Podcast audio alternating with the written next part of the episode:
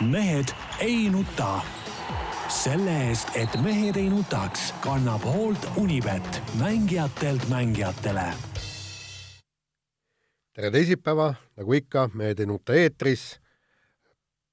kõigepealt on siin härra Peep Pahv, tervist! kes on Delfist ja Eesti Päevalehest, Jaan Martinson Eesti Päevalehest, Delfist ja igalt poolt mujalt ja tegelikult meie jaoks ei olegi teisipäev, meie jaoks on esmaspäeva pärastlõuna, sellepärast et äh, meie kolmas liige Tarmo Paju, kes on küll pelgalt Delfist, äh, parasjagu vedeleb äh, kuskil Itaalia villas Firenze lähistel ja puhkab, aga ta soostus ikkagi tunnikese oma väärtuslikust ajast meile ohverdama. Tarmo, räägi, kuidas Itaalias on? No esiteks ma täpsustan, tervist eh, loomulikult kõigile. esiteks ma täpsustan, et äh, ma mitte ei soostunud ohverdama, vaid vastupidi, puhas rõõm on äh, teid liini otsa saada ja natukene vahendada muljeid sellest, kuidas jah, hetkel saate ajaks sai maandutud ühes villas siin Firenze lähedal. hetkel ilm on ka läinud väga ilusaks, kakskümmend viis kraadi on, ma pean varjus istuma, sest palavaks läks. ja noh, selliste detailide jagamine teiega on puhas rõõm. võib, võib te olete ju nõus sellega? ei, me, me oleme nõus sellega jaa, aga no tuletame siis kõigile meelde ka, et tegemist on Tarmo siis nii-öelda eh, pulmareisiga, eks ole, ja, ja noh, nagu ma aru sain, vedeletakse, et ega see pulmareis ongi üks, üks suur vedelemine ja ega seal, ma kahtlen üldse, kas seal nagu ütleme, on, on eh, püsti saadud, ainult rohkem kui võib-olla vahest söömas käiakse, kui tegelikult saab ju, saab ju söögi ka tellida endale sinna, ütleme, vedelemise asendisse nagu kandikuga, et noh et, et äh, ma usun, et, et on olnud päris raju nädal või? No ma pean, ma ei tea, kas rõõmustama või pettumust valmistama sulle nüüd, see on nüüd maitse asi, aga, aga tegelikult äh, on vedelemist olnud äh, suhteliselt vähe, et oleme vastupidi suhteliselt palju ringi sõitnud, mis on, mis, mis tegelikult siin Toskaanas on ikka väga nagu huvitav kogemus ikkagi, purada mööda neid teid, kus küll kiiruspiirangutest absoluutselt aru ei saa, välja arvatud see, et enamik äh, külavahe teid ja enamik äh, kohti vist on viiekümne ala vist. täpselt äh, võib-olla Jaan ja Peep, te olete rohkem sõitnud, olete natukene kogenumad selles osas, aga väga segadust tekitab see osa. aga mis puudutab nagu muud osa, siis, siis, siis see kant on ikkagi, on ikka imeline ja natuke oleme siin, siin puhkuse lõpupoole pidanud tõdema, et ega see puhkamine on päris, päris väsitav tegevus vähemalt siis, kui, kui üritad nagu ringi sõita ja natukene vaadata ka ja ja et äh, väga palju jah, nagu ma alustasin seda juttu, vedeleda nii-öelda polegi saanud. no ei, ei maksa seda väsimust nüüd selle ringi sõitmise kaela muidugi ajada, eks ole, et küll me teame, et asjad tegelikult no, käivad, nüüd, nüüd siis nimetatakse seda ringi sõitmiseks, no seda saab noh, igati moodi nagu nimetada.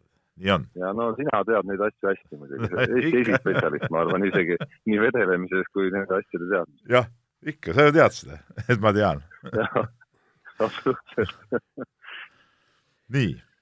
kas äh,, ega meil ei ole ju esialgu suur, suurt äh, midagi poliitteemadel rääkida, kuigi meil tuleb siin ja ma teema... nii palju ei, kui, kui juba, kui sa tahad poliitikat, ma jälle segan poole lause pealt teist saadet järjest, kui Jaan tahab sõna poliitika mainida.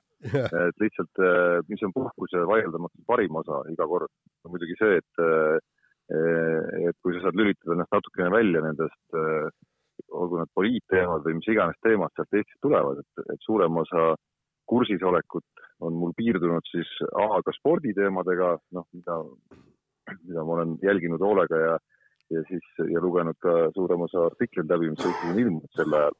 aga mis nagu muud, muud valdkonda puudutab, siis põhimõtteliselt need sõnumid, uudissõnumid, mis Delfilt, Postimehelt, Õhtulehelt ja paarilt rahvusvaheliselt väljaandelt telefoni tulevad, siis, siis see on nagu ainus kontakt nende nii-öelda just nagu päris teemadega, kus ma pean küll ütlema, et noh, ma ei tea, just üks, üks õhtu mõtlesin, et ma vist ühtegi positiivset uudist ausalt öeldes kuhu ma saaks nagu sildi külge, külge panna, et oh, jube äge uudis. ühtegi sellist uudist nädala jooksul ei ole tulnud telefoni. aga siin on igast see on kõige parem, see on kõige parem puhkus, mingi tohutu trall käib seal alates nii jälle, jälle teeb sinu sõprade mingitest nõunikest kuni, kuni siis meil on saate teemas ka pärastpool vaatasin äh, igasugu kehalise kasvatuse ja, ja, ja need selle valdkonna uudised siis, kuidas spordipäeva tulemustega ringi käia. no see, no see ei ole nagu päris poliitika, see on lihtsalt lauslollus, millega tegeletakse, selle kohta on ka palju, palju kirju tulnud ja nii edasi, aga mis neid nõunikke puutub, siis, siis jah, igast vaimuhaigeid on, on ka nagu välja lastud, et, et siin ma ei tea, kust, kust need vennad tulevad, küll mis aga muid spordiuudiseid puudutab, siis, siis ma loodan, et sa ikkagi leidsid võimaluse vaadata Salgrise suurt võitu Reali üle, nägid mängu või? ma ei näinud tervenist, aga vaatasin mingid hetked üle, kui ma olin lugenud ära juba, et mis seal et mis see stsenaarium enam-vähem oli, et selles mõttes. et lõpp oli, stsenaarium, stsenaarium oli äge ju, ütleme nii ju. absoluutselt, absoluutselt, et äh, väike, väike selline rõõmuselevus on selle üle, et, et äh, Euroliiga uus nädal on ka kohe ees ja varsti saab pulti jälle. nojah, et, et puhkus saab nagu läbi, nagu ma aru saan siis puhkus saab läbi jah, ülehomme on plaan lennata tagasi. selle üle meil on ka hea meel, et kuidas see ikka mees puhkab kogu aeg, tead. ongi hea, tagasi tööle, kuhjame siin nende kõikide teemadega ja nii edasi, nii edasi. ei, mulle tundub, et, mulle tundub, et asjad sujuvad, et ma täna hommikul nägin äh, äh meili lahti lüües eelmise nädala, kuidas Delfil läinud on, oli väga hästi läinud, selles mõttes see jada, mille me paika panime eelmine nädal ehk siis äh, mina puhkan, Peep annab käske ja Jaan teeb tööd, tundub, et toimub päris hästi nii on, nii on. just, nii, aga, aga lähme nüüd siis saate teemadega mitte edasi, vaid tagasi, vaid alustame. ja meil on Eestis olnud rahvuslik põlv, on olnud rahvuslik nohu ja nüüd on meil praegu olemas ka siis rahvuslik õlg. ja Magnus Kirt, meie odaviskaja, kes viskas MM-il oda nii kaugele, et, et ta sai hõbeda, aga viiendal katsel viskas endal õla liigesest välja ja esimene info, mis sealt tuli, oli noh, nii-öelda positiivne, öeldi, et, et lõikusele pole vaja minna, et lapitakse poiss niisama kokku ja ja on lootust, et ikkagi olümpiamängudeks jõuab kenasti valmis ja vormi. aga nüüd selgus, et, et Kirt käis siiski lõikusel. on sul, Peep, infot ka rohkem, et kui vajalik see lõikus tegelikult oli? no seda, et ta lõikusele läheb, oli ikka teada ikka paar päeva varem juba. no see, paar see, päeva see küll, aga nagu nii nagu välk selgest taevast või noh, sellest oli nagu juttu, et, et lõikus tuleb ja, ja, ja nii edasi. aga esimene info oli ju see, et no,, et midagi katki ja, ei ja. ole ja lõikust ei tule. ei no ega siin, ega siin rohkem mingit väga infot pole ja tegelikult see info, mis on välja antud, on niisugune suhteliselt nagu, kuidas ma ütlen, nagu äh, ebaselge nagu, et mis seis seal siis on ja, ja nagu ka Indrek Tustits siis äh, Äh, siis Gerdi abimees ütles ka, et nüüd järgmise kahe-kolme kuu jooksul ei olegi nagu mingit uut infot välja anda, et nüüd läheb lihtsalt taastumiseks ja nii edasi, et et äh, jah, et see, ma saan aru, et, et seis oli nagu viletsam, kui kui äh, arvati või, või, või noh, lood-, loodeti, et on, et et, et asju, asju oli seal rohkem, mis oli vaja teha ja olid rohkem katki, aga aga õnneks, õnneks vist operatsioon läks esialgse prognoosi järgi nagu ilusasti, noh et ega siin väga raske on seda teemat nagu kuidagi nagu, nagu lahata või öelda, et jah, kas Kirt nüüd saab Tokyo olümpiaks terveks või ei saa, et et ma arvan, seda ei tea ei need arstid, Kirt ega ammugi siin meie juba. No ma saan täpsustada nii palju, et minu arust äh, Jaan, sind tuleb parandada, et äh, kui tuli välja magnetpilt ja, ja anti need esimesed kommentaarid, siis tegelikult ei öeldud mitte midagi selle kohta, kas tuleb operatsioon või ei tule operatsioon. et minu arust on, äh, kui võtta nagu kaheks etapiks kogu see Äh, ütleme, see analüüside jada, millest esimene osa koosnes siis sellest magnetpildist ja sellest, mida öeldi sellele, selle järel välja ja siis nüüd teine on nüüd see hetk, kus mindi operatsioonile ja mida siis arstid ütlesid, siis hakkab silma, et ja seda vist teisel etapil rõhutas ka, ma ei mäleta, oli Indrek Tustik vist, et äh, on mõlemal juhul on väga hoolikalt ikkagi otsitud seda õiget ja korrektset sõnastust ja tundub, et peamiselt sellepärast, et väga keeruline on ongi neil ka midagi täpsemat öelda, et mis siis nagu kindlas kõneviisis saama võiks hakata. et esimene kord oli sõnum põhimõtteliselt, et äh, kui ma nüüd õigesti mäletan, ma tsiteerida ei julge, aga et umbes, et pilt oli enam-vähem positiivne, aga nüüd me saadame veel paarile inimesele maailmas, paarile spetsialistile need pildid ja siis otsustame, mis me täpsemalt edasi teeme. et ilmselgelt nende hinnangute pealt siis tuli otsus ikkagi, et on vaja opereerida. ja noh, nüüd siis rõhutati täpselt sama Tutiti sõnades seda, et et, et, et täpselt see ongi parim, mida me saame umbes öelda. ja siin peab arvestama, et võib-olla siin on ka mingid sõnavalikutes nagu olulised nüansid, et pilt oli hullem, kui kartsime või lootsime, aga sai parem, kui, kui ütleme siis lootsin või midagi sellist see sõnastus sealt tuli. väga huvitavalt valitud sõnad, võivad, võivad tähendada mida iganes. Üt, ütleks niimoodi, et, et äh, nii palju, kui ma lugesin Soome tohtrite ju ja ka Magnus Kirdi enda äh, prognoose tuleviku kohta, siis, siis kõik tegelikult äh, ütlevad seda, et äh, tulevik on selles mõttes tume, et keegi ei saagi mitte midagi prognoosida. Just, ja, ja Magnus Kirt ütles ka, et ega, ega ma ei, enne ei saa öelda, kas mul läks hästi või halvasti, kui ma saan täie jõuga oda visata ja, ja muidugi see oda peab ka äh, lendama kaugele. ja kusjuures see odaviskaja ja õlg, et õlg, õlg jah ja., et see on äh,, ütleme niimoodi, et, et neid vigastusi ei ole olnud äh, eriti palju. Läinud nädalal ühel Ameerika jalgpalluril, mängujuhil läks põlv liigesest välja ja, ja selle puhul öeldi täpselt, vaadati kõik, tehti MRI uuringud, vaadati asi üle, öeldi, kuu aega läheb aega, siis on asi korras, mees platsil tagasi. aga põhjus on see, et neid vigastusi on tulnud ette kordi ja kordi ja kordi. arstid oskavad seda prognoosida, teavad täpselt, et mida teha tuleb ja, ja võivad ka ennustada, millal mängija platsile saab. aga see, et odaviskaja õla välja viskab, ma ei tea, kas üldse maailmas seda, ma tean, et Jan Senesnil on olnud. oli, oli küll tegelikult, oli küll, seal oli üks näide näiteks, mis käis läbi, oli Boris Henry näiteks.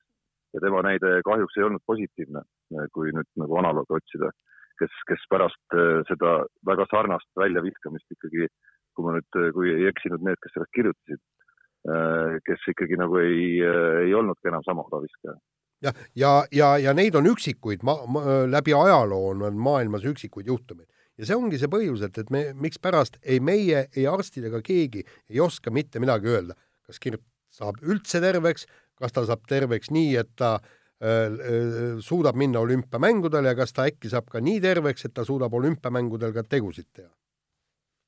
noh, mulle meenub äh, ühena esimeste reaktsioonide seast Mihkel Mardna lause, et et kui operatsiooni on vaja, siis, äh, siis kuus kuud on see, see justkui nagu täielik taastumise aeg, eks, noh, mis viib selle täieliku taastumisaja kuskile juunikuusse, mis omakorda mõeldes olümpia lähedusele, siis ütleb, ütleb meile, et, et see oleks päris suur ime, kui, kui Magnus Kirt oleks võimeline üheksakümmend meetrit äh, olümpiamängude ajal viskama, aga, aga noh, see, see on ka kõik, mida me saame tegelikult ju hinnata ja öelda ma ütlen veel kord jah, et siin on nagu raske on, on mingeid hinnanguid anda, et tegelikult see meie jutt on jälle niisugune paras udu, udu umbluu tegelikult noh, et, et et äh, jah et peab ikka ootama ära, et vast, vast ütleme, ütleme, kui esimese paari kahe-kolme kuu pärast ilmselt on neil endil ka mingi, mingi selgem arusaam, kui nad on see prantsuse, mingi prantsuse spetsialist pidi aitama selle taastusasjadega, et, et see noh, on pilt nagu selgem, ütleme, ta on seal juba ka natuke aega teinud ja olnud, et mismoodi see asi taastub ja, ja, ja kuidas, kuidas seisud on. nii, aga lähme edasi nüüd suusaliidu teemadega ja, ja suusaliidu äh, üldkoosolek oli siin möödunud nädalal või nüüd juba ülemöödunud nädalal tegelikult lõpus ja, ja, ja seal äh, tuli välja aastaaruandest, et äh, Suusaliidu eelarves on, on suured miinused aastaaruandes, et, et lõpetati aasta suure miinusega ja, ja ja, ja raha, raha nagu eriti ei ole ja, ja keeruline seis on ka sportlastega, et murdmaakoondisse tegelikult kuulub praegu nii-öelda A-koondisse vaid sprinter Marko Kilp, et seisud on seal suht segased ja alaliidu pole presidenti ka enam, et, et on, on äh, nii-öelda juhatus ja, ja, ja ma saan aru, et presidenti lähiajal uut vist ei tulegi sinna. no see näitab seda, et, et äh, kui kehvalt lähevad Suusaliidus asjad võrreldes selle ajaga, kui kõik oli hästi ja supeldi rahas. Jutt käib praegu, et, et et miinust on mingi sada viiskümmend tuhat eurot, eks ju omal ajal ma mäletan, et, et Kristiina Smiguni eelarve oli pealt kolme miljoni Eesti krooni ehk siis pealt kahesaja tuhande euro.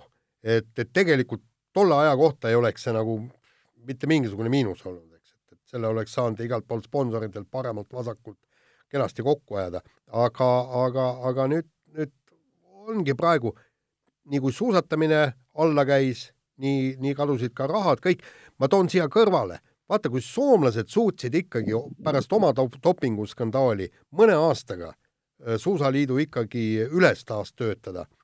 aga, aga ma kardan, et, et meil need asjad nii, nii hästi ei lähe, kuna meil ei ole tagalat. meil ei ole tagalat ja see on suhteliselt loogiline, et ega Eestis ka see ütleme, ka see sponsorite ring on ju palju kitsam kui, kui Soomes ja raha hankimise võimalused on, on kitsamad ja kui, kui niisugune jama on nagu toimunud, siis on ka suhteliselt loogiline, et sponsorid tõmbuvad eemale niisuguse ala juurest, keegi ei taha ennast ju mingite dopingujamadega määrida, nüüd on nagu teist korda veel see kõik juhtunud ja, ja, ja nüüd on nagu seis nagu, nagu veel hullem, et et, et see on iseenesest nagu loogiline, et, et see seis niimoodi on ja, ja ma siin mingit imekspandavat asja nagu ei näe. aga küll aga, küll aga on hea, ma saan aru, et seal Suusaliidu juhatuses ka on tehtud mingi väiksed korrektiivid, et, et ütleme, Suusaliidu juhatus on alles need, kes reaalselt tahavad sellesse tegevusse panustada midagi ja, ja, ja ütleme, seda raha, rahasid ka otsida ja, ja aidata, et et, et äh, äkki midagi leitakse ja äkki vaikselt siis, kui uus põlvkond tuleb peale, siis äh, hakkavad asjad ülesmäe ka natuke minema. aga praegu on muidugi seis jah no, segane, pole, pole ju koondist, pole koond-, noh, kes seal treenib või, või kes neid üldse treenib ja, ja kõik see seis on ikka suhteliselt segane praegu. No põhiline küsimus, mis mul tekkis äh, neid lugusid, uudiseid lugedes, oli ikkagi see, et ja see käis läbi siin teie mõlema jutus, see, see lause või sõna, olgu ta tagala või uus põlvkond, et et kas seal on nüüd kellele, kellegi nimel üldse hakata nagu üles ehitama midagi või, või kas tõesti juhtub midagi sellist, et murdmaasuusatamine muundub selliseks, ma ei tea, Eestis organisatoorses mõttes nagu ma ei tea, kiiruisutamise sarnaseks äh, alaks, kus Marko Kilp või, või mõned üksikud talendid, kes meil on või, või vähegi rahvusvahelist taset kannatavad tüübid peavad otsima kuskil välismaal treenimise võimalusi, et, et seda oskad, Jaan, võib-olla sina kõige täpsemalt öelda, et on seal reaalselt nii-öelda, kellest panna kokku üks äge järelkasvutiim, kuhu suunata põhimõtteliselt kõik, noh, hetkel praegu peale võlgade suurt ei ole, aga kõik, mis vähegi on seal plusspoole peal, et see, et see kellegi peale sinna panustada. no praegu ma, ma paraku ei näe ühtegi, ühtegi noort, ühtegi juuniori, aga tegelikult see on, mina olen vale, vale persoon, kellele küsimust esitada. meil on ju noortetreenerid, meil on ju klubid, palun, äh, nad on ju teinud äh, aastate kaupa äh, järelkasvuga tööd me, nagu ma olen siin varem ka öelnud ja ma kordan veel, ETV suusasarjast on aastate kaupa läbi käinud tuhandeid lapsi. tuhanded lapsed, ma ei tea, kas tuhanded, sajad lapsed käivad trennis. ja palun, meil on olemas treenerid, nendelt tuleb küsida, et, et kus on see meie järelkasv, kes võiks tulevikus teha sama suuri tegusid, kui, kui tegid eel e, eelmine põlvkond. no olgem, olgem ausad, Jaan Äh, nii-öelda suusaspets, nagu me siin oleme ikka nimetanud, et ega ega ikka väga selget ülevaadet ilmselt ei ole ka, mis seal ütleme A ja B-klassi poiste hulgas või tüdrukute hulgas väga toimub. ei no ma, ma hoian seda, seda ma arvan, et ei ole, ei ole meil nagu kellelgi ja, ja seda on isegi raske öelda, et kas kas ütleme, A-klassis oli selge, et näiteks Andrus Veerpalust äh, tuleb mingisugune kõva suusamees, ei olnud päris selge. no aga, aga, aga okei okay,, selles ma olen sinuga nõus, et ütleme siin lähi äh,, lähijärelkasvus ehk siis juunioride osas on küll seis suht äh, suht hõre, et siin nagu midagi väga eriti võtta ei ole, aga samas, samas ütleme, need suusatajad Eestis ongi küpsenud ka suhteliselt hilja, noh, no, no vaata, mingid inimesed ikka ongi, seda trenni teevad ju. Noh. ja no nad teevad trenni küll, aga, aga kui me lähmegi jällegi ajas tagasi ja kui me vaatame isegi see nii-öelda vahepealne põlvkond, äh, need, kes said juba osaleda juunioride ja noorte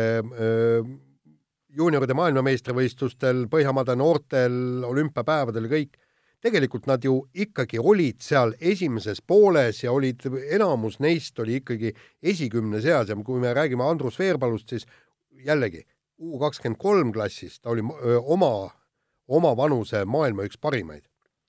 ja, ja, ja paraku meie tulemused on ikkagi üsna, üsna hullud, kui me vaatame, et me saame seal võib-olla tõesti teises kümnes mõned kohad, aga kui me vaatame seda kaotust võitjale ajaliselt, siis, siis noh, erilist optimismi ma nüüd küll ei näe põhjust.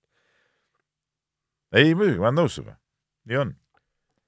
Aga teeme väikse kõlli ja siis lähme edasi Continental Ice Contact kolm naastrehvid on tõeline talvine revolutsioon neile, kes otsivad parimat Eesti talvisesse kliimasse loodud Saksa kõrgtehnoloogia, mida võib usaldada. Continental rehvid on saadaval kõigis Pointes müügipunktides üle Eesti ja www.rehvid24.ee veebilehel muide, mis äh, rehvidesse puutub ja kui seda Itaaliaga siduda, mäletad, Peep, kui me käisime Val di Fiemme MM-il äh, ja muidugi mitte ühelgi autol ei olnud mingisuguseid ta talverehve, kuigi teed olid lund täis, löga täis. nojah, aga me autod võtsime ka ju, ju hoopis teistsugustest oludest, noh. no just ja., jah. et, et ma mäletan ka ühte teist korda, kui me sinuga koos käisime, olime ühe autoga, käisime Sloveenias mingil MK-etapil, kui me sõitsime mäkke kuskile ilma, ilma nende naelkummideta, vaata mäletad, olime ka koos. et see oli ka päris punk muidugi. Nii, aga nüüd on kiire no, vahemäng. siin, siin olen mina, siin olen mina läbi, noh, ma ei ole ju isegi siin kuskil Põhja-Itaalias, vaid üsna keskel tegelikult, et äh, aga noh, neid mägesid, meie mõistes päris suuri mägesid isegi on ju ka siin. Äh, noh, eilegi sai sõidetud läbi piirkonna, kus noh, põhimõtteliselt veis näitas siis sellist äh, noh, minekut umbes nagu nelikümmend kilomeetrit, nelikümmend minutit, eks ole, et suurem osa läkski niimoodi ukerdades seal mööda mäenõlvasid üles ja alla, siis, siis siin ikka nagu ketid peateema, et siin mingit naastressi reklaami sa ikka ei kuule. ja põhimõtteliselt ketid peavad olema jah, kui, kui mm, -hmm. kui tahad ikka mägedes sõita, nii, aga lähme nüüd äh, kiirvahemängu juurde ja räägime sõudmisest. Äh, meie uus sõudekoondise treener, soomlane Veiko Sinisalu on mehed ikkagi korralikult liistule tõmmanud, joonduv valvel parem pool ja, ja tema nõudmised on see, et nüüd hakatakse üheskoos trenni tegema, mitte see ei ole nii, et, et igaüks ukerdab omas nurgas, omas linnas, võib-olla oma paadiga sõidab, ütles kõik, trenni teevad mehed koos, siis on konkurents, kõik muu ja, ja, ja kupatatakse kogu seltskond juba novembris Itaaliasse laagrisse, kus on soe, kus saab vee peal trenni teha ja, ja endine peatreener Mati Killing eh, tunnistas ka, et andis meestele liiga palju vabadust. sada protsenti õige ja see, mul on küll kahju, et mingisugune soomlane tuleb selle peale, et peab nii tegema, see on minu arust elementaarne.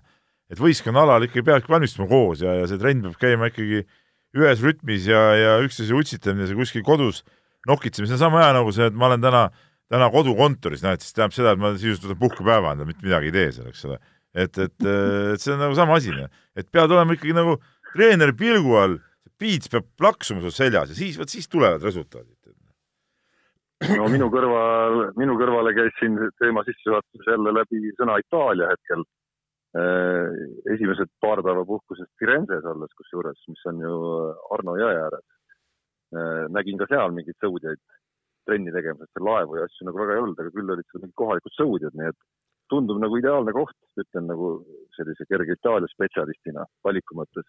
ainult, et äh, õhtu ja lõunasöökide juures peab ilmselt äh, uus soomlasest treener nüüd silma peal hoidma, et siin, et siin need veinid ja, ja need jutud seal püsiks nagu ohjes ikkagi. Ei no see, sellega ei ole probleemi, esiteks noh, veiniga vaevalt, et endal pilti ikkagi väga eest ära joob, see on punkt üks ja punkt kaks on see, et, et kes on lugenud Jaan Taltsi raamatut Tahtmine, seal ta ütles, et polnud hullu, kui õhtu võeti viina, siis järgmine päev trennis higistati see kõik valu ja vaevaga välja, aga tema tulemustele see jälgi ei jätnud. nii, aga äh, Red Bulli vormelitiim äh, teeb siis niisuguse käigu, et viskab meie kuulsa noorsõitja Jüri Vipsi külma vette ja, ja Vips stardib nüüd Jaapanis superformula sarjas ja, ja kuigi pole selle autoga varem tead meetritki sõitnud, et seal tehakse selliseid huvitavaid käike ja, ja manöövreid, et et siis saada neid kuulsaid superlitsentsi punkte vist täis. ei, sealt isegi superlitsentsi punkte, punkte vist eh, kätte ei saa, aga seal on, seal on, küsimus on selles, et, et Jüri Vips tuleb vormel kolmest, kus on sõidud poole tunni pikkused ja rehvivahetust või rattavahetust ei ole Äh, ja nüüd järsku, jättes vahele vormel kahe, hüppab kohe nii-öelda superformulasse, mis on vormel, vormel kahe, vormel ühe äh, vahel kuskil seal paikneb. auto on võimsam, autol on hoopis äh, teistsugune surujõud, uued rajad, uus sari, sõit on poolteist tundi pikk. ma ei tea, kuidas ta keha üldse sellele vastu peab, see on väga peab väga... pidama, aga vormel üks etapp on veel pikem. jaa, aga vormel ühte sa ei hüppa nii ja ei hakka kohe hagu andma seal sa te tehakse ikka teste, sõidetakse öö, simulaatoril, kõik muud niisugused asjad. et, et huvitav, kas nüüd Red Bull, see on kaks võimalust, kas Red Bull annab Vipsile võimaluse kohaneda selle Jaapani sarjaga selleks, et järgmine aasta ta sinna sarja täielikult panna sõitma, mis ilmselt, ilmselt ongi nii, või lihtsalt viskab venna, tõesti viskab vette, vaatame, kuidas ta välja ujub. kui ujub sealt korralikult välja siis tegeleme temaga edasi, kui ei uju, siis head aega. no mis siin ikka on, sõidumees oled, siis äh, sõidad igas sarjas, istud rooli ja hakkad kütma.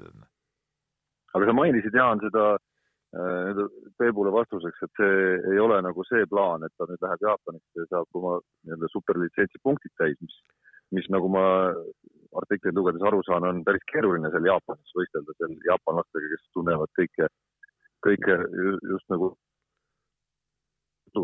see, mis tee siis Vipsi nii-öelda punktide osas sinna vormel ühte peaks viima hetkel?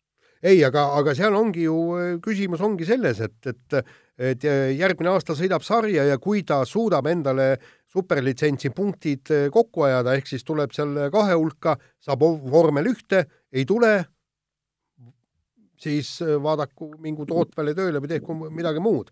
et ega see, see maailm on ikka karm, noh et, et, et, et seal lihtsalt, ma just lugesin äh, kodanik, kes võitis vormel kaks sarja ära.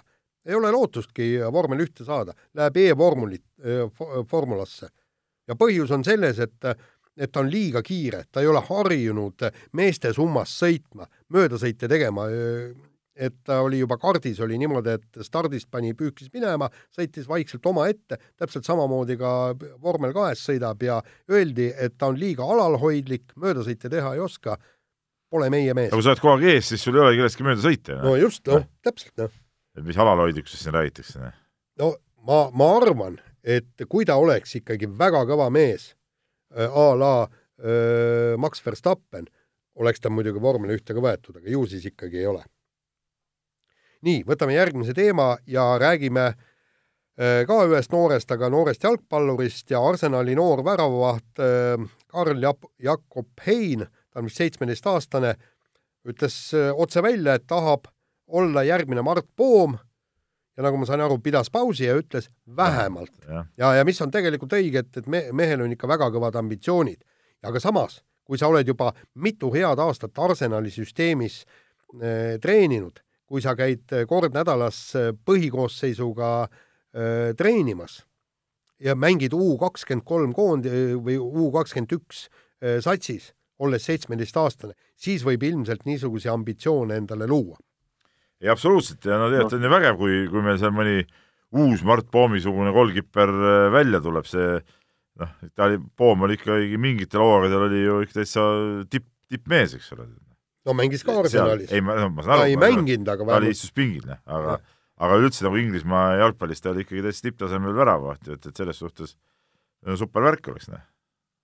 no järgmine samm Mart Toomist edasi ongi põhimõtteliselt Arsenali-suguses satsis äh, ju noh, põhimõtteliselt põhiväravaht olemine ja, ja mitte korraks, vaid, vaid pikemaks perioodiks, et mul nende kõlavate äh, mälestus, mälestus, kõlavate lubaduste või isegi mitte lubaduste, aga selliste eesmärkide seadmistega seoses eh, ja Peep ja Jaan, teile ka kindlasti tuleb alati ilmselt esimesena meelde Eesti spordis Martin Müürsepp, kes mäletatavasti umbes samas vanuses, kui mitte isegi nooremana, teatas juba, kuidas ta on, vist eh, esimene ajatärmin oli viis aastat vist, millega ta NBA-s on. Eh, siis ta kordas seda kaks aastat hiljem ja rääkis kolmest aastast ja muidugi edestas lõpuks neid omaaegseid lubadusi ka, aga noh, mäletad ise, teda naerdi ju, peeti isegi nagu napakaks natukene Müürsepa tol ajal. tänapäeval, kui, kui noor jalgpallur nii ütleb, siis tundub nagu kuidagi tavaline. no eks aeg on ka edasi läinud ja ütleme, ütleme see, et kuhugi välja minnakse superklubidesse ja, ja, ja tippklubidesse, noh, neid on nii palju nagu ja see on kuidagi nagu loomulikumaks osaks saanud selles noorte spordis ka, olgu see jalgpall, korvpall või või, või, või mõni muu spordiala, et selles suhtes sellepärast julgetakse ka seda niimoodi ilma, ilma halvaks panu kartmata ka välja öelda rohkem, et ma tahangi nüüd äh, seal olla ja, ja tõusta sealt veel kõrgemale. kuulge, aga tegelikult kui palju näiteks meil korvpallurid, ma võib-olla jalgpallurite kohta te ei oska nii hästi öelda, aga korvpallurid, kus on meil uus põlvkond peale tulemas, kes neist on öelnud, et ma olen viie aasta pärast NBA-s või kolme aasta pärast? On keegi neist öelnud? no ma arvan, see Ender Trell on seda NBA juttu siin küll ajanud vist konkreetsed laused no,. ma tõesti. trahviks ju, trahviks üles ja, ja, ma tõesti. ja siis annab järgmine aasta uuesti. ma tõesti, ma mingit. kusjuures ka valitakse ära seal juba. niisugust lauset ma ei, täpselt, ma nüüd olen kolme aasta pärast seal, ma ei mäleta, kas keegi on öelnud, aga aga iseenesest suurte eesmärkide korvpallureid on, on küll aga kas nad julgevad ka selle oma eesmärgi niimoodi nagu see, no Trell oli juba draftis ja läheb järgmine no mis draftis, ma, Kurbas oli ka draftis ja võttis no, Kurbas, Kurbaseks, see on teine asi, sa ei saa praegu Kurbast ja, ja praegu noort mängumeest nagu omavahel võrrelda. et, et see no, on ikkagi omavahel teema. et, et tõde jalule seada, Jaani küsimus tuleb ilmselt hoolikalt üles otsida, et mis sõnastused täpselt eh, Henri Trell midagi öelnud on ja igaks juhuks tasub öelda, et see ütlemine lõpuks ei maksa ju ka mitte midagi. et lõpuks maksavad teod, aga aga ma julgeks öelda, et ta on võib-olla mitte päris selles sõnastuses nagu Müürsepp omal ajal, aga, aga noh, üsna sarnase eesmärgi püstituse endale ikkagi nagu pannud just nimelt sinna ookeanitaguse suunaga.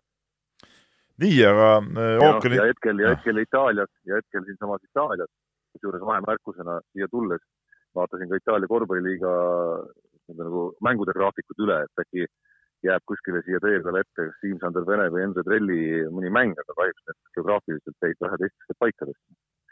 aga selle lause algusele tagasi tulles, siis hetkel ju noh, Trell tundub olevat leidnud endale noh, ideaalse koha selles mõttes just mõeldes NBA draftile seal valituks osutumisele.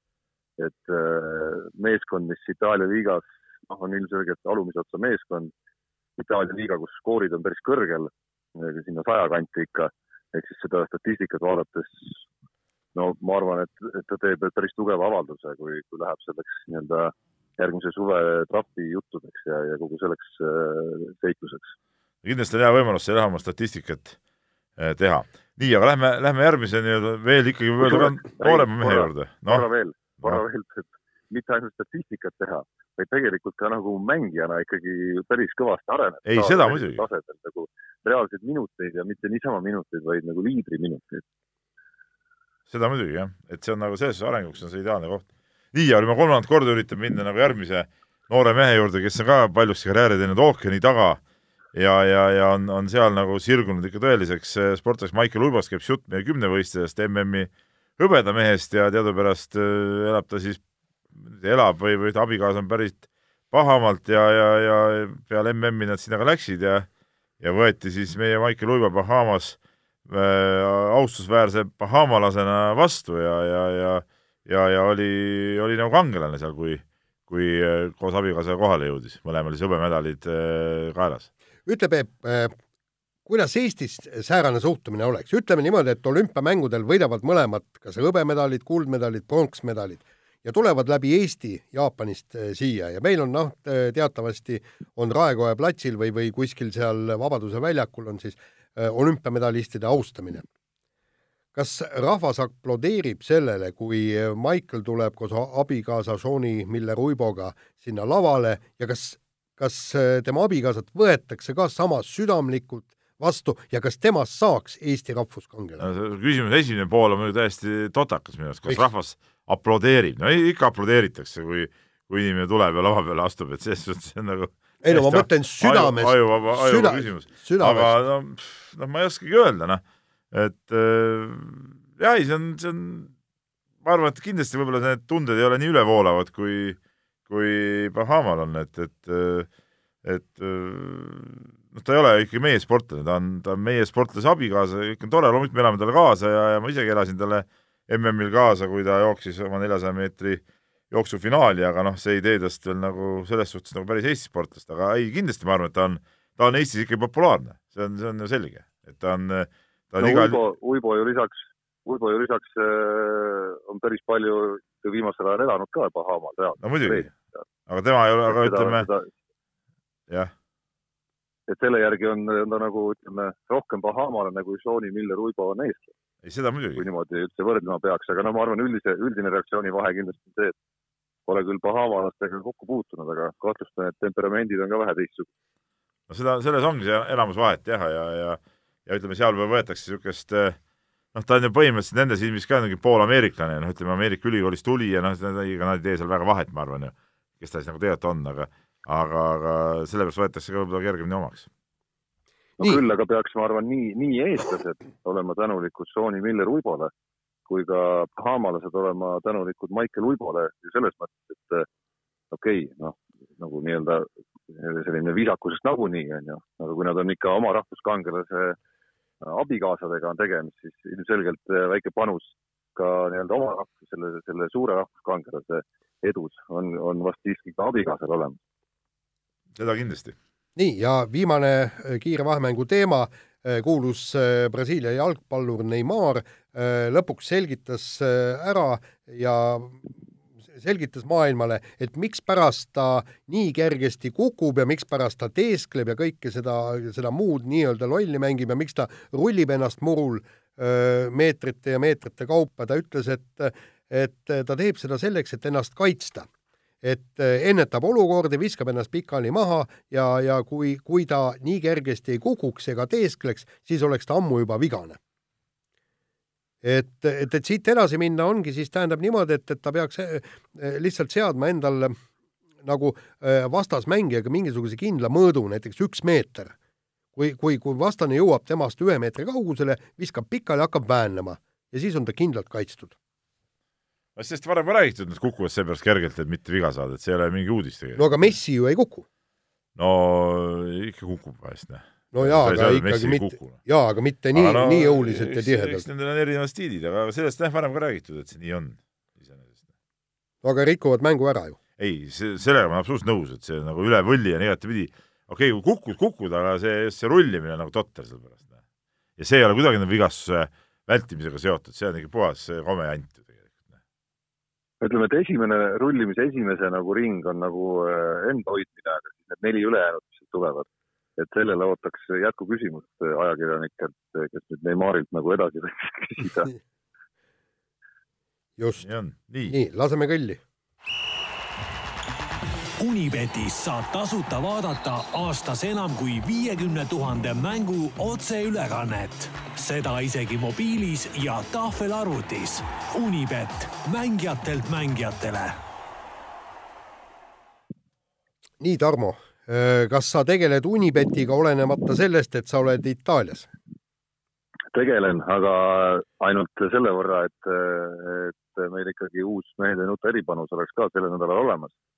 Puudutab äh, panustamist, siis, äh, siis ma hetkel olen siin viimasel nädalal keskendunud rohkem ühele teisele eluloteriile, aga las need, las need kiltopanused ootavad veel ühe nädala. ma ei tea, kuidas teil läinud on? no midagi, midagi head ei ole no ütleme niimoodi, et, et minul on väga hästi, ma ei pannud panuseid.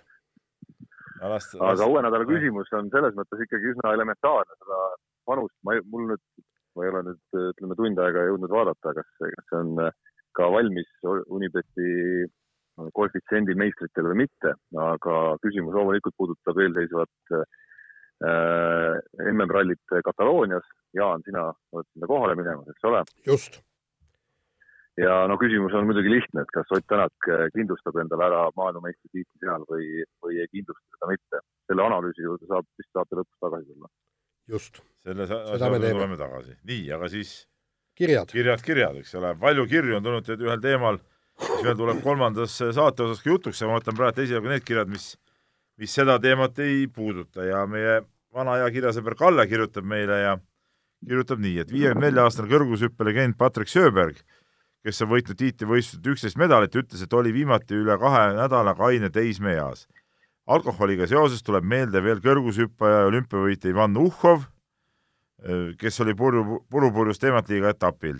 selline alkoholilembus ja head tulemused paistavad silma just kõrgushüppes. kas WADA peaks just kõrgushüppajatele mõeldes lisama alkoholi dopinguainete nimekirja?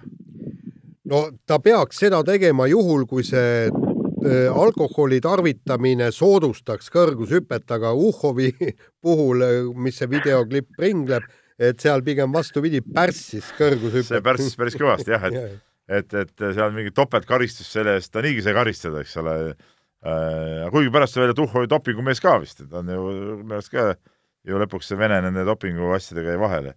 aga, aga noh no siis tuleks Jaan äh, Taltsit ka võtta need äh, rekordid ära, sest et kui ma õieti mäletan, sellest samast korra, selles saates mainitud raamatust Tahtmine, või oli see mõnes intervjuus, ma täpselt ei mäletagi, ta rääkis ka, kus ta mõnikord ikkagi tegi väikse pitsi konjakit ka enne võistlust või, või mõne, mõne grammi või?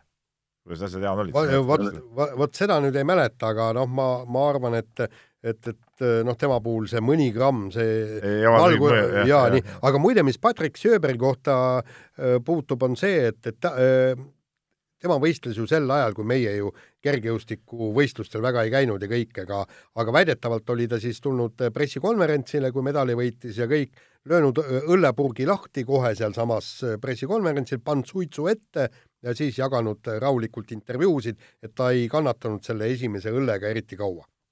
vot nii on no kus sa tead, kus sa, Jaan, tead, et see esimene oli, mille ta pressikonverentsil lahti no just, jah. enne pressikonverentsi tavaliselt on vist dopingukontroll siiski kus, kus, kus ma arvan, saab mitte ainult esimese teha ja võib-olla teise ja kolmanda ka veel.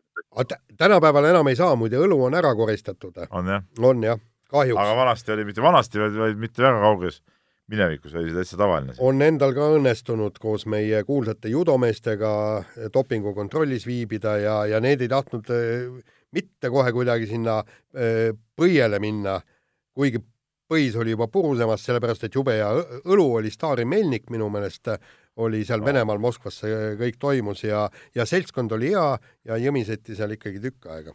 Stari Melnik on kahtlemata hea õlu.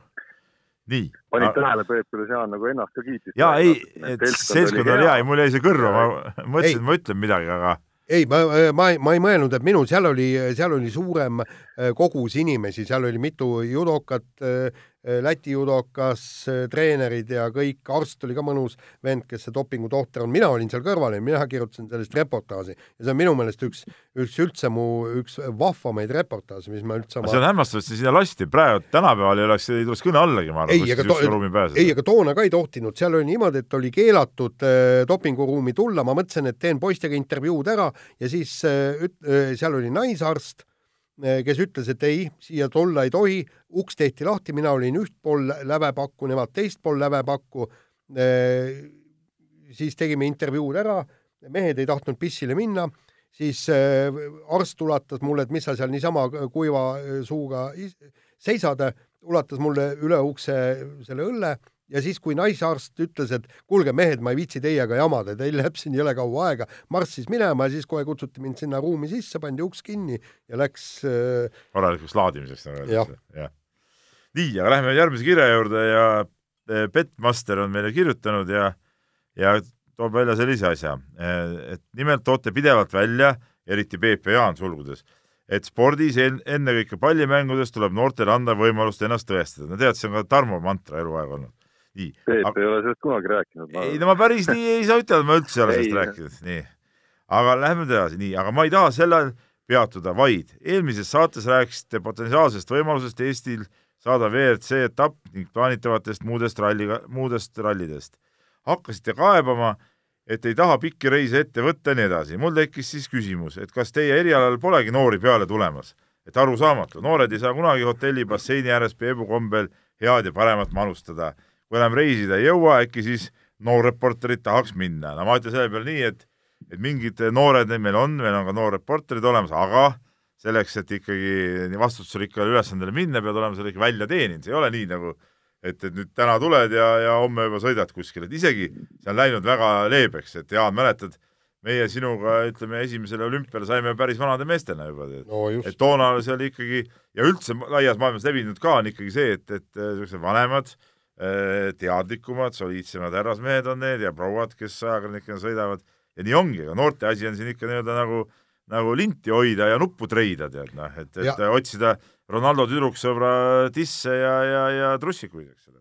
ja aga seal on teine probleem ka ja väga kahetsusväärne probleem väga paljudel noortel ei ole autojuhi lube ja ilma nendeta, ilma tähendab üüriautota sa no rallil äh, rallil...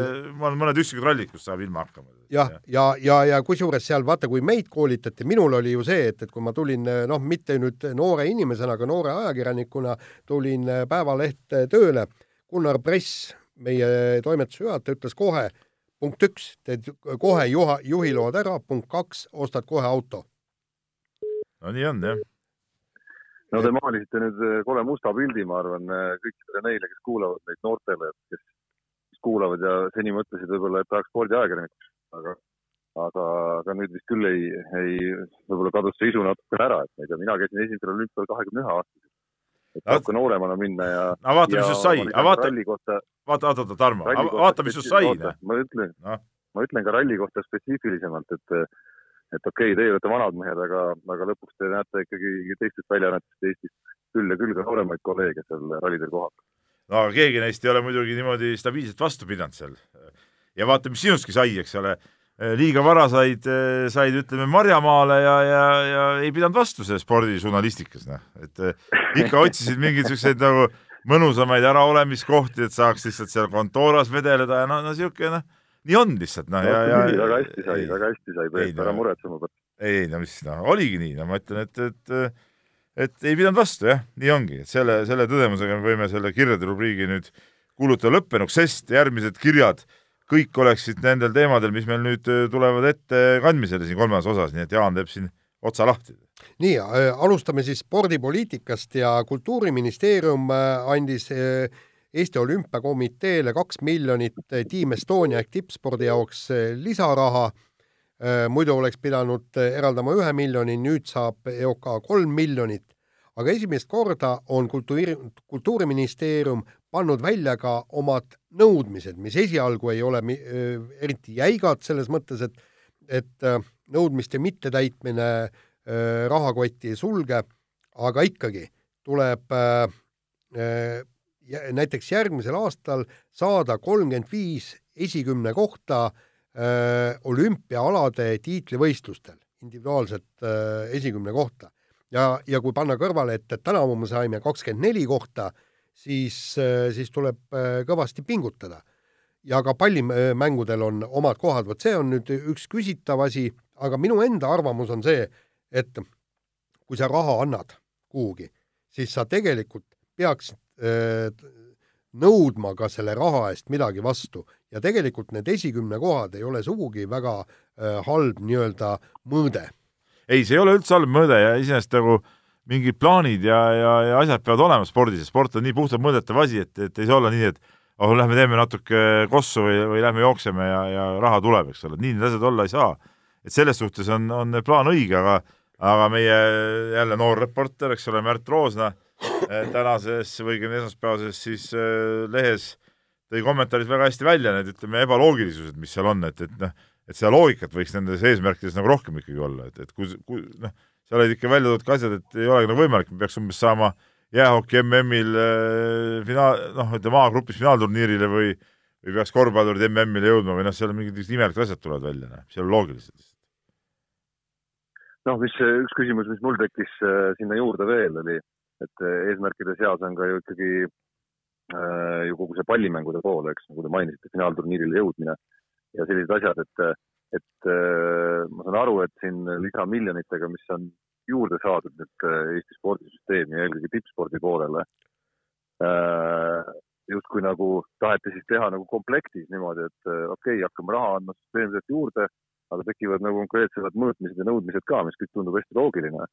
Aga, aga huvitav osa minu jaoks ja mida ma pole veel suutnud kuskilt jõudnud lugeda ja vist, vist, vist ei olegi see selge, et mismoodi seda pallimängude osa siis praktiliselt hakatakse ka rohkem siis kuidagi nagu, mis süsteemi alusel seda nagu toetama, et eh, kogu see suurvõistluste kohtadel A, C ja B kategooriad ja kõik see, need süsteemid, need on ikkagi olnud väga selgelt selliste individuaalsportlaste või väikeste tiimide põhised, mitte pallimängutiimide põhised.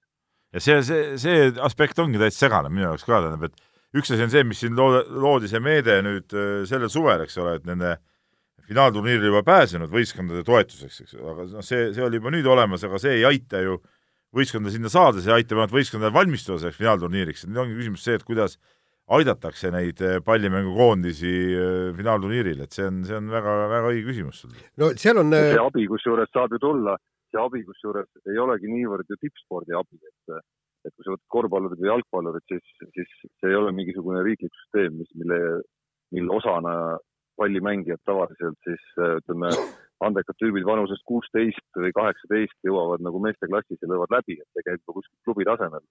koondistes nad ju niimoodi väga põgusalt saavad, saavad kokku ja saavad näidata, mis vahepeal tehtud on.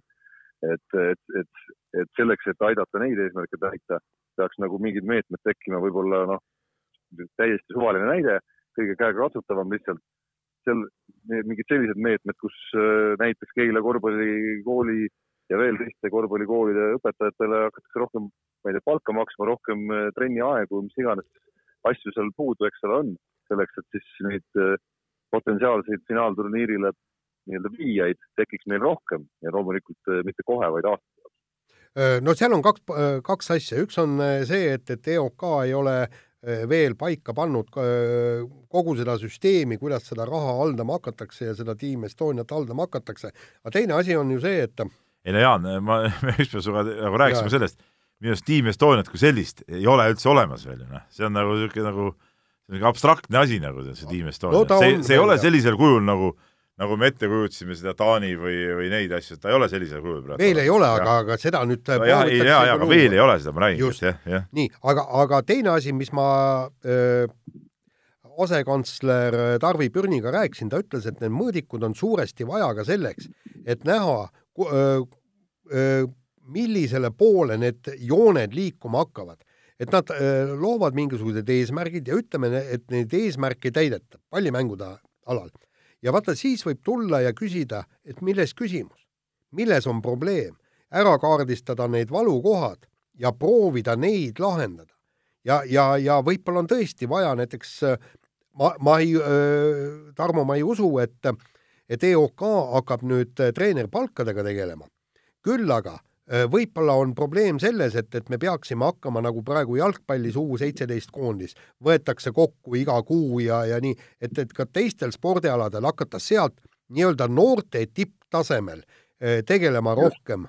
no see ongi, see ongi point muidugi. mulle just, mulle just sellesama jutu ajal meenus nagu veel lähedasem näide, et kuna Aruküla teatavasti on käsipallikants, siis äh, Peep teab, mis ma nüüd rääkida tahan, aga, aga näiteks äh, äh, see on siis kaks, jah, järgmisel aastal pannakse esimest korda näiteks U kuusteist käsipallikoondis kokku, kus, kus siis nii-öelda aasta enne juba sellel sügisel esimest korda ma saan aru, et see oli Käsipalliliidu ja Euroopa mingisuguse käsipalliorganisatsiooni nii-öelda nagu koos, koostöös või mingite sealsete vahendite abil aeti kokku vist juba, ma võin nüüd numbrites eksida, aga noh, sellised eh, nelikümmend poissi üle Eesti ja tüdrukuid oli seal ka, oli kolmkümmend poissi, kakskümmend tüdrukut või no mingi selline seltskond ja ma saan aru, et see ei jää viimaseks, see oli neljapäevane laager Põlvas, pidasid. et noh, just sellised asjad väga süsteemselt. lõpetades sellega, et üldse kõikvõimalikel suurvõistlustel pandakse üldse ju koondised välja, et ka seda ju alati ei juhtu. ja, ja seal on nüüd, kui me räägime individuaalspordist, on teine asi, vot nüüd antakse ette, et kolmkümmend viis esikümne kohta ja nagu Kultuuriministeerium ütleb, EOK peaks nendele numbritele panema nimed taha. Ja tegelikult eh, minu meelest EOK ei saa, ei tohiks ka seda võtta eh, nii-öelda muigega, et noh, et las nad meile annavad, me teeme ikkagi nii, nagu me ise tahame kõik. ongi vaja vaadata, kust me saame need kolmkümmend viis esikümne kohta kokku ja sealt edasi juba hakata tõesti läbi rääkima ala, alaliitudega, vaadata ja, ja, ja panna ka puht medaliplaanid. isegi soomlased panid nüüd oma endale olümpiaks medaliplaanid paika, mida, mida sinnamaani ei olnud, eks. Aga mis saab siis, oota, aga mis saab siis, kui neid plaane ei täideta? ei, aga vaat see siis. see ongi nagu see küsimus, mis, kas võetakse raha taga, peavad raha tagasi maksma või? ei, aga vaata, seal on, seal on mitu asja, nagu esialgu öeldi, et esialgu me ei saa ühe, kahe, kolme, nelja aastaga me ei saa öö, leida neid põhjusi, eks, nii, aga, aga kaardistada need probleemid. Ja kui ühel hetkel, kui sa annad sportlasele, tagad kõik absoluutselt tingimused, mida ta vajab, mida sul mees on vaja selleks, et tulla esikümnesse, mul on seda, seda, seda, seda, seda vaja. nii, ja siis selgub, et ühtegi äh, nii-öelda objektiivset põhjust, mis, mis, mis takistaks sind esikümnesse jõuda, ei ole, sa ei ole vigastatud, sa saad treenida täpselt nii, võib-olla on treener kehv, võib-olla on mingisugune muu asi. Ja kolmas asi on see, et, et aga võib-olla sa ei viitsi vend trenni teha. me taome sulle, me, me taome sulle kümneid tuhandeid eurosid, aga ei mitte mingit tolku. Nojah, aga no ma ütlen, et, et see sanktsioneerimine on, on nii, kui ta on ja, ja ja aga, aga hea on, et need eesmärgid on, ütleme selles suhtes ma olen nagu selle poolt, aga minu arust peaks see ütleme, eesmärkide mittetäitmise puhul ikkagi need, need sanktsioonid ei ole nagu õige, õige väljendus võib-olla, aga aga ütleme, need tagajärjed peaksid olema kohe üheselt nagu selgelt ka, et praegu seda ei ole nii täpselt nagu välja no nagu just, aga tegelikult no vaata no siin... ma ei tea, mis, mis tagajärgi sa täpsemalt tahad saada seal, et ega selles mõttes selget tagajärgi ei saa olla see, et keegi peab raha tagasi maksma, välja arvatud juhtudel, kui ta on midagi jämedat teinud, ma ei tea, dopinguga vahele jäänud või midagi sellist. see on vist see tingimus, ma usun, on ju tegelikult sees päris paljudel toetust saavatel sportlastel, olgu ta riigiga või, või oma sponsoritega. ei no jaa, ta et, et jah aga mis mõte neil äh, eesmärkidel on, kui, kui mittetäitmisel ei ole tagajärgi? jaa, aga noh, spordis sa tead ise, et äh, noh, sul on eesmärki garanteerida väga raske, et äh, sellisel kujul, kui igal pool oleks samasugune süsteem püsti, siis tähendaks see seda, et ütleme siis endast kõike andnud ja väga heas usus kõike teinutest pooled maksavad pärast kõik oma nii-öelda e, e, toetused tagasi. ei, jutt ei, ei, ei, ei, ma mõtlen seda, ma mõtlen, et no ma ei tea siis, ära, et eh, kas treenerid peavad eh, võtma vastutuse ja tagasi astuma või, või, või midagi, midagi peab ju sellest muutuma või, või alaliidu juhid või, või keegi peab võtma selle vastutuse sellisel see ta,, Tarmo, vaata, kui mugav oleks mul töötada, kui on see, et, et mulle makstakse palka, aga minult ei nõuta mitte midagi. no kui tuleb artikkel, tuleb, ei tule. ei no, tule, no las see olla, Jaanik, istu edasi siin. jah, täpselt ja, ja, ja täpselt samamoodi aastate kaupa. et, et jube mugav ei, oleks töötada. absoluutselt õige, ei, siin, siin see on absoluutselt õige selles mõttes, et äh, nagu ma algul ütlesin ka omalt poolt, et, et absoluutselt väga hea, tekib võimalus ka analüüsida, kas need, ütleme, oletame, et need mis iganes tulemused meil tulema hakkavad, kas need tulevad hoopis nendest sportlastelt, kes on kuidagimoodi nendest meetmetest osa saanud või, või hoopis, hoopis ikkagi, ma ei tea, nurga tagant mingid nii-öelda isetegijad ja, ja isetulijad kuskilt, on ju, kes, kes võib-olla süsteemi kiuste on hoopis sinna jõudnud, et, et asi on mõõdetav, on igal juhul ainult head küljed. Äh, siin on väga lihtne näide, mul lõi kohe pähe, lõi ujumise. ütleme niimoodi, et ujumise liidule tippsportlastele maksta seda, teist, kolmandat, eks, et, et, et sportlastele. mul oleks kohe, kui ma, kui ma vaatan nüüd seda nii-öelda meie ujumise ajalugu, äh, nii-öelda post Indrek Sei järgset, mhm. eks tema oli see, kes, kes võitis äh, veel medaleid. pärast seda, kes on medalid võitnud, Aljandit äh, Liivamägi vist ei ole võitnud, seal on äh, veel Kät-, kas Kätlin Seppe on või kõik, kõik, kes on Ameerikast tulnud, Ameerika ülikoolides. ja nüüd on meil, kus on kõige kõvem vend, eks, noh, okei okay,, Tsirk, äh, ta, noh, tal on seal ka väikseid probleeme. aga mul on kohe küsimus, kui ta lähed, et ta tahetakse tippujule raha anda, nii, kus ta treenima hakkab, kelle juures ta treenima hakkab, Eestis, jah? kas garanteerid medali? Raha saab siis, kui läheb Ameerika ülikooli ja ujub seal või läheb siis tõsisesse klubisse kuhugi. ja nii ongi.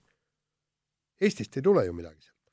nojah, me peame ikka siin muidugi jälle vaatama seda ka, et see raha äkki ongi vajalik panna sinna Eesti, Eesti ütleme, Eestisse treeningvõimaluste ja, ja taseme tõstmiseks.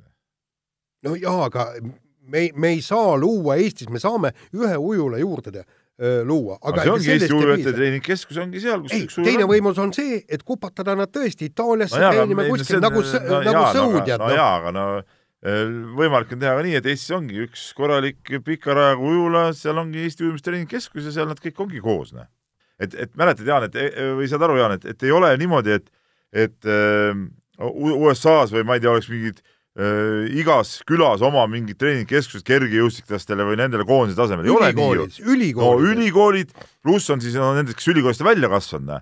Nendel on, on teatud, no on treeningkeskused, aga need ei ole igas külas, igas linnas. Need on ikka teatud kohad, kus need on olemas ja sinna tulevad need kokku ja teevad oma neid asju. mäletad, kui äh, Mankots tuli meile siia peatreeneriks, taheti ka kõik koondame kõik kokku ühe mütsi all, hakkame trenni tegema. ei hakanud Äh, hakkasid no aga siis, no aga see on ju lollus ju, see on nende sportlaste enda lollus ju, kui nad ei hakanud siis, noh. ma mäletan küll seda, aga siis ei olegi midagi teha, siis nendega ei saa arvestada edaspidi, väga lihtne no,. jah, väga lihtne. aga lähme nüüd edasi, kell, kell ka tiksub ja, ja lähme edasi kooli psühholoogide absoluutse jogaga ja nad tulid välja siis selle avaldusega, spordipäeva tulemusi ei, ei tohi enam avalikustada, rahvaste palli ei tohi ka enam mängida ja kõik, see on kooli kiusamist soodustav ja ja, ja kellelegi alandav ja, ja, ja kole ja, ja ei tea, mis hirmus. Ja ma ütlen selle peale nii, et et noh, täielik pseudojura, et, et ma ei tea, kust need niisugused probleemid tekivad, mingi, on, on mingi väike seltskond, mingeid inimesi, kes äh, ajavad mingisugust udu sellest, kuidas äh, nendest said spordivihkajad sellepärast, et nad olid nagu nõrgad ja neid sunniti seal kehale sundis nagu pingutama ja nii edasi, no selle peale Jaaniga on omavahel mitu korda rääkida, me jätsime võib-olla matemaatika ja ja füüsikavihkajaid, sest et meid sunniti neid õppima ja, ja pingutama, et noh, et see on, see on täiesti äh, idiootne jutt, et et, et ma ei, ma ei tea, miks, miks üldse niisugune niisugune pseudopreema teema nii suureks puhutud ja no, üks põhjus on muidugi see õiguskantsleri hinnang ka, mis oli ka minu arust äh, täiesti absurdne tegelikult, noh. et, et nii ongi, et ei tohigi neid avalikustada. Noh. mina ütlen siia, et, et tuletasin meelde oma kooliaega meil pandi ka kõik need tulemused pandi ilusasti seinale no,, kõik, just. ja sa läksid vaatama, ausalt öeldes, meil oli oma punt, kes vaatas see tõesti, me, me olime seal nii-öelda esikümne, jagasime ära, vaatasid seda, kas me kunagi kordagi heitsime pilku, mis on need kõige nõrgemad tulemused? me teadsime ju, et, et sealt ei tule midagi. minu eesmärk ei olnud ju võita seda venda, kes hüppab kaugust kaks meetrit, vaid seda, kes hüppab neli viiskümmend, viis viiskümmend ja, ja, ja mis pagana koolikiusamine, ei olnud ju mingit koolikiusamist. absoluutselt ju tol ajal. ja teine asi, kui seal räägiti, räägiti, eks, et noh, et, et mõni nii-öelda ülekaaluline, ta tõesti kaugust ei hüppa, joosta ei jõua küll.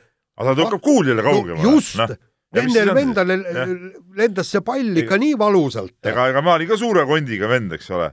aga, aga ma näiteks olin kuulitõukes olin, olin kogu aeg nagu esimene ja, ja seal rajooni tsempionaatidel sai käidud ja, ja esikolmiku kohti võetud, et loomulikult, ega ma tuhande meetri jooksu ei saanud nagu parematele vastu, aga sellest nad, nad ei tõuganud kuuli nii kaugele, pärast ei heitnud ketast ka nii kaugele, noh. nii ongi, noh. et see ongi, iga vend on kõva omal alal ja, ja mis, mis on normaalne, mis, milles küsimus on siis, ma ei saa aru ei no eks alati on olnud, äh, noh, ma oma kooliajast mõtlen, kindlasti on alati olnud ka selliseid, kes, noh, kellel võib-olla ei olegi mingit ala. Noh, ei, ei ole tal jõudu, eks ole, ei ole tal kiirust ja nii edasi, onju. aga noh, mina oma ajast ei mäleta küll kedagi, et või ühtegi olukorda, kus kedagi sellepärast nagu narritud oleks. või kui sellisel pinnal tõepoolest nagu on see aktuaalne kuidagi koolis, mis, mis mulle tundub nagu veider ja, ja ma jagan siin hoolimata sellest, et äh, euronoor ja ma ei tea, kes kõik veel on ju, et jagan siin ikkagi, olen sunnitud jagama teie tõekspidamisi ja, ja teie nagu mõtet, et, et, et kurat, nüüd ikka minnakse küll natukene, natukene nagu liiale, et kui kuskil on kiusamisega probleem või narrimisega probleem, siis tuleks tegeleda kiusamise ja narrimise ja, ja sellega, et äh, ükskõik, sõltumata sellest, kas keegi hüppab kuskil liiga vähe või keegi tõukab liiga vähe või jõudu liiga vähe või kiirust liiga vähe või ta ei saa matemaatikast aru või eesti keelest aru, et siis see ei ole mingisugune asi, mille pärast äh, nagu üleüldse polegi olemas asju, mille pärast kedagi nagu narrima peaks. sellega tuleks tegeleda, mitte sellega, et, et kuidagimoodi peaks selle tulemuste lehe väljapanek äh, seinale siis nagu selle probleemi nagu ära hoidma ja, ja keegi, keegi kirjutaski sama, samasuguse kommentaari, ma ei mäleta, kes, kes see oli, nagu Tarmo praegu rääkis, et me peaksime selgitama, tähendab, et me peaksimegi aru saama, et see ongi normaalne, et, et keegi jääb viimaseks. sellest ma olen kokku. erinevad kõik lapsed ja inimesed. just, täpselt.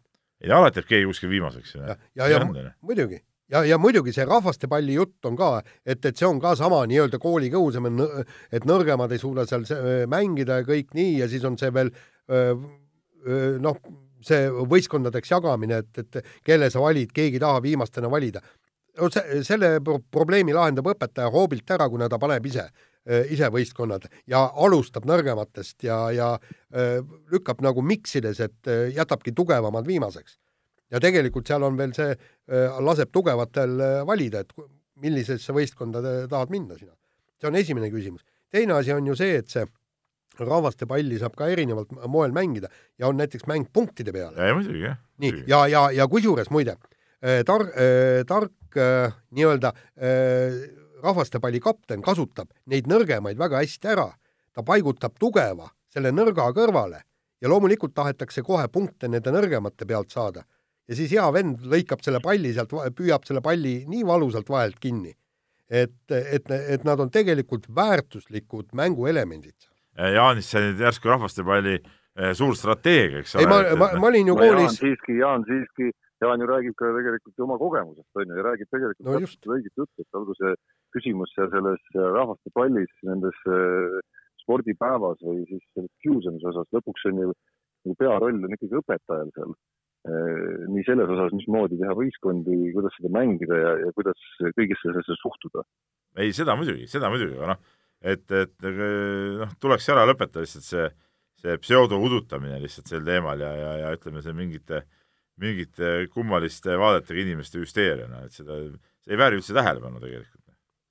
aga noh, fakt on see ja ma arvan, et ja ma kardan, et see, et see vist on no ütleme, see ilmselt ei kahane, see, see suund kuidagimoodi sellele, et A, minu lapse nimed ei pane, eks ole, sinna seina peale kuskile, olgu see matemaatika, ma ei tea, võib-olla lõpuks aga näeme, ma arvan, võib-olla olukorda, kus ütleb mõni vanem, et ta ei taha ka autahvlile, et tema lapse pilt näiteks pannakse, nagu positiivses mõttes.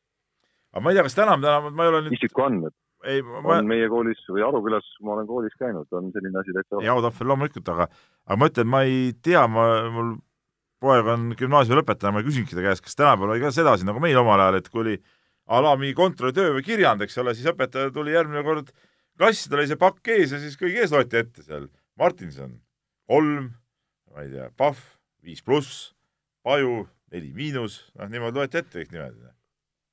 No ja, ja, ja, ja mingi, mingi häda polnud sellega. ja, ja kui sa läksid klassi ette vastama, luuletust peast lugema või tahvlis, tahvli, tahvlile või laulma, eks ole, laulma laul, laulma. laulda ei osanud, siis ikkagi orjasid, naljakas oli tead kui välja tuldi. ja, ja lõppkokkuvõttes õpetaja ütles kohe, näed, kuule, sa oled ju täielik tont, sa ei jaga siin istu kaks, istu kaks on, just no. täpselt no.. nii oli ju noh, et no mis, mis see on Aga... siis, ei ole aega niimoodi olnud ju. ja ma küll ei mäleta, et, et kui ma oleks saanud eh, klassi ees seal kahe, et nüüd ma oleks nagu tundnud, et, et oi, nüüd on küll mingi õudne ja plaava, tead, et et keegi sai teada ka, et ma ei osanud seda, tead, mis vahet seal on. et, et mul on, et mul on tunne, et see noh, lõppkokkuvõttes jõudis tuues tagasi nüüd kehalise kasvatuse juurde ja ütleme nende nõrgemate juurde seal siis ükskõik mis alal parasjagu.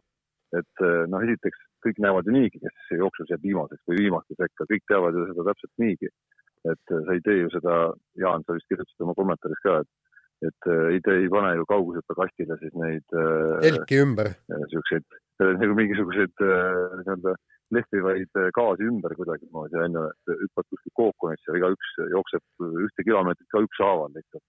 kõigi silmad varjatud kuidagi, et seda, seda sa ju noh, esiteks ei ole mõeldav ja teiseks oleks ikka totter, et, et selle pealt ma arvan, pigem kasvabki ka lõpuks üles lapsi ja inimesi, kes siis, ma ei tea, ei julge jõusaali minna, sellepärast et tal et tal on piinlik võib-olla panna sinna väiksemat raskust peale, kui kõrval paneb Ott Kiivikas nii, aga laseme väikse kõlli. ja lähme viimase osa juurde, lähme Katalooniasse, mina lähen sinna füüsiliselt, teie olete keemiliselt siin. Ja Ott Tänak hakkab sõitma Kataloonia rallit ja tal on täiesti nii matemaatiline kui reaalne ja nagu me loodame, et, et võimalus igati tulla maailmameistriks ja lõpetada Sebastianide, palju see on siis, viisteist aastat kestnud üheksa pluss kuus, jah? ja üheksa pluss kuus, viisteist aastat kestnud ülemvõim.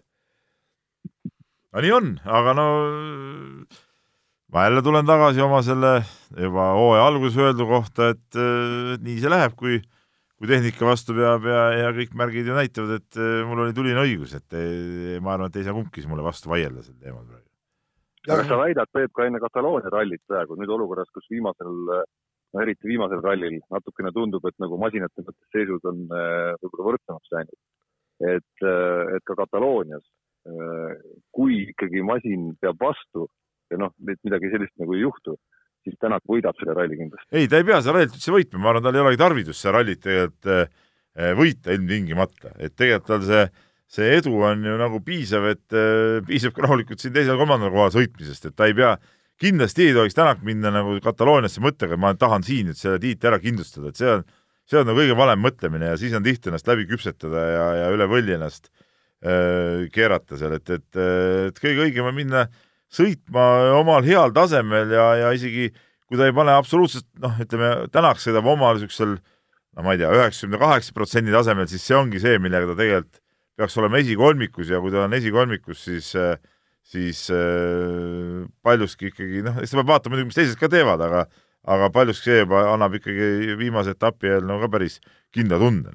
No ütleme niimoodi, et Ott kindlasti ütleb, et tema ei hakka punkte lugema ja, ja ta ei hakka strateegiat midagi paika panema. kaks, kaks punkti on tal vaja Sebastian Ogier'st rohkem saada, siis on tiitel kindel, juhul kui äh, Thierry Neville meeletut hunnikut, neil on vahet nelikümmend üks punkti, eks, et äh, rohkem ei võta. et, et minu meelest peabki vaatama, tähendab, hoidma Ogier'd selja taga et see, see on see, see üks, üks eesmärk ja, ja seda mitte hullumeelse sõiduga, vaid Ott Tänakuliku sõiduga. ma räägin, et pigem rahulikult, ta ei saa mõelda selle peale, et ma pean nüüd Osseed hoidma selja taga tingimata. see ei ole veel maailma lõpp, see ei ole viimane etapp, Jaan. selles suhtes ei ole, ei ole seal vahet, ta, ta võib ka kaotada Osseele, noh. tal on ikkagi viimaseks ralliks on äh, korralik edumaa sees. Noh. ja Tarmo, kui et, et kuidas nüüd kõik need asjad sujuvad, kui teistel on ka see auto kiiremaks. Wales näitas ju ära. Hyundai tuli väga-väga lähedale Ott Tänakule. kasu ei miskit, Ott Tänak ikka võitis selle ralli, küll ainult kümne sekundiga, vähem kui kümne sekundiga, ikkagi võitis. no sul ei ole midagi öelda selle peale, oled sa alles ikka või? no mis ma selle peale, mis ma selle peale oleks öelnud, rallid on muidugi kapitaalselt erinevad, kui sa Walesi pealt võrdled erinevad küll, aga ütleme, selles suhtes on ju kuule, Walesi mudal on, on puhtalt sõitmine ikka kindlasti suurem probleem kui, kui Kataloonia asfaltil.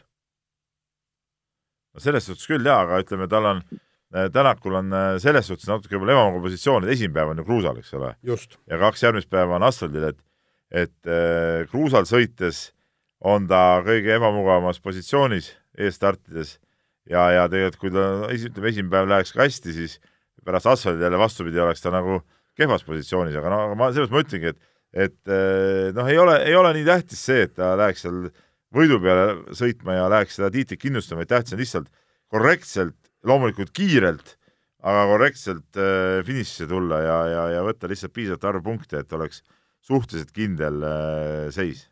nii ongi.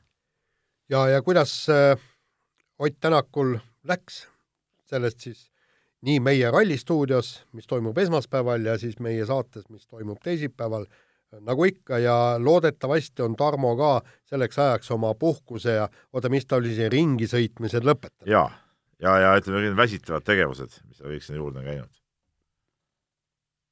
kas nüüd peab ära lõpetama?